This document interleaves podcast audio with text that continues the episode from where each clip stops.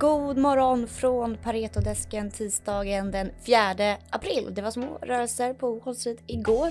S&P 500 handlade kring nollan största delen av dagen men steg något mot stängning och stängde till slut på plus 0,4 procent. Nasdaq däremot stängde på minus 0,3, DAV plus 1 procent. Energisektorn gick starkast igår efter att OPEC sagt att man minskar oljeproduktionen. Flera oljebolag steg 8 till 10 procent igår. Medan techsektorn backade på bred front. På Pareto idag har vi pratat om ett fastighetsbolag vi gillar, nämligen Fabege. Och då undrar jag, Viktor Hökenhammar, står Fabege starkt? Ja, vi tycker att Fabege står starkt. Fabege har haft en ganska svag utveckling egentligen sedan man släppte sin Q4-rapport. Det var egentligen två poster där som marknaden mottog som negativt. Till att börja med så sänkte man ju sin utdelning till motsvarande då det här långsiktiga målet, ungefär 50 procent av förvaltningsresultatet. Men man ska ju komma ihåg att Fabege historiskt sett, eller de senaste åren i alla fall, har valt att betala ut en större del av sitt kassaflöde. Så det här var ju någonting som marknaden tog, tog relativt negativt. Sen hade man ju också, man köpte ju SH Bostad som nu har konverterats till Birger Bostad 2021. Och där hade man ju framförallt en del värdenedskrivningar i sina bostadsrätter.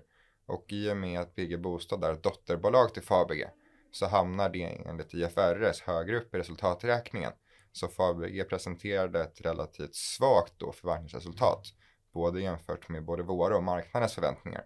Men om man då så att säga justerar för den här engångsposten eh, och man tittar liksom på Fabeges business i, i sig så var det en stark Q4-rapport eh, så vi kan återkomma kring lite till. Så vi tycker ändå att bolaget står starkt även om aktiekursen har, har då påverkats av två egentligen eh, lite mindre betydande poster mm. eh, senaste månaden. Det var stort fokus på finansiell stabilitet också kom det här året. Hur, hur står sig Fabege där? I vår mening Fabege är ett av de mer liksom finansiellt stabila bolagen som, som vi täcker. Man har en rapporterad belåningsgrad om 38 procent, vilket är tredje lägst i sektorn efter Catena och huvudstaden. 65 procent av eh, räntekostnaderna är bundna. Eh, och sen har man ju en BA2-rating från Moody's och även om den är med negativ outlook så måste man så att säga bli nedgraderad två steg innan man tappar sin investment grade status och det ska ju ställas i relation till andra IG-ratade bolag som nu liksom är, på, är på kanten till, till high yield. Mm. Och sen tittar man lite mer specifikt på, på nyckeltal från den finansiella positionen mm. så har man en rapporterad räntetäckning på 3,4 för helåret 22 och 2,8 nu per, per Q4. Och för att bli nedgraderad från Moody så måste man vara well below 3. Men då vill vi lyfta fram att bolaget har ju dels en relativt hög vakans och skulle man sänka den vakansen från i dagsläget 11% till den långsiktiga 5% så skulle det allt annat lika innebära ungefär 150 miljoner extra i hyresintäkter på årlig basis. Och det här ska ju ställas i relation till att om styrräntan ökar 100 punkter baserat på Q4-siffror så skulle man få ungefär 100 miljoner extra i, i räntekostnader. Så vi har ju svårt att se, som vi modellerar då, så kommer man bibehålla sin investment grade status och vi bedömer därmed Fabeges finansiella position som relativt mm. stark. Har de eh, lyckats höja hyrorna? Ja, bolaget guidar för 250 miljoner kronor för helåret 2023. Det motsvarar ungefär 8,3-8,4 procent. Och det bedömer vi ändå som relativt starkt. Vi hade en KPI-siffra i oktober på 10,9 procent. Men sen har man lite retail, kanske en del lite svagare hyresgäster som alla har, liksom en mindre del av kundportföljen då kanske lite mer motstridiga mot här så att man ändå får igenom 8,4 procent mm. som sagt. Men är det, är det just retail som protesterar mot högre hyror eller vilka, vilka är det som gör det? Eh, vår bild är att det är framförallt retail som kommer få det tuffare och där är ju framförallt sällanköpshandel. Vi tror att en del retail, vi har pratat Cibus med liksom den typen av liksom livsmedelshandel kommer stå sig starkt. Mm. Sen är vår tes också att ha lite mer high street retail, de här lyxbutikerna i Biblioteksdagen, Birger de kanske också kan absorbera de här hyresintäkterna eller hyresökningarna eh, lite bättre.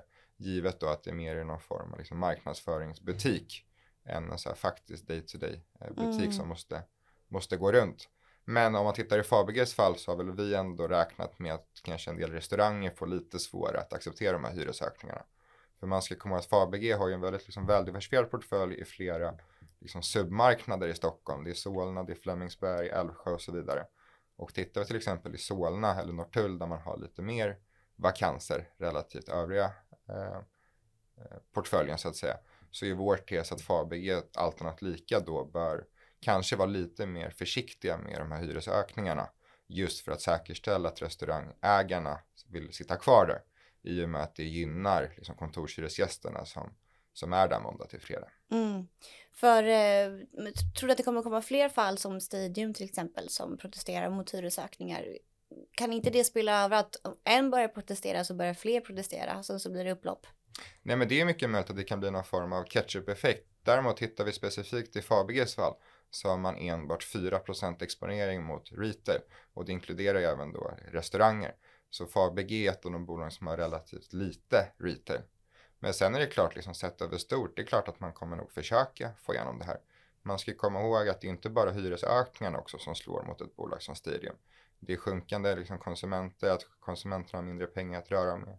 Det är dyrare el, eh, uppvärmningskostnader.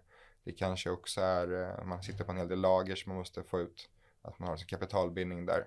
Eh, så retail eller handelssegmentet i sig står för ganska stora utmaningar. Och att då få 10,9% extra på hyressidan, det är klart att det slår, slår hårdare. Mm. Men återigen tycker jag ändå man ska komma ihåg att tittar man på andra typer av retail, som till exempel livsmedel, där står hyreskostnaden för ungefär kanske 2-3% av omsättningen. Och dessutom är kanske de aktörerna som ICA, Willys och Hemköp kanske också bättre på att, så att säga, få igenom inflationen mot, mot kund också. Lite lättare att höja priset på mjölk kanske, i och med att det är sånt basalt behov, mm. än att höja eh, på, på kläder och skor. Exakt. Ja, och, men, men, nu har vi ganska många argument mot att eh, Fabege står sig ganska stabilt och ganska starkt. Men varför ska man köpa Fabege då? Vad avkastar det och hur skapar Fabege värde? Ja, men generellt som jag säger, Fabege har en snitt eh, yield eh, liksom en, på ungefär 4% Tar man en running yield, alltså en löpande avkastning någonstans 3,3. Vi ser däremot en potential att höja den här löpande avkastningen i och med att man då sänker sin vakans som i dagsläget är 11 Och där har ju bolaget guidat för långsiktiga målet är 95% Och det är där man var något år innan covid, 94-95% uthyrningsgrad. Och det här skulle innebära ökade hyresintäkter på ungefär 250 eller 150 miljoner kronor. Och som sagt, det tar ju i så fall ut hela uppgången då på 100 punkter i ökad marknadsränta. Sen generellt, man har en väldigt gedigen projektportfölj. Man har ju varit duktiga med att skapa värden genom liksom organiskt via projekt.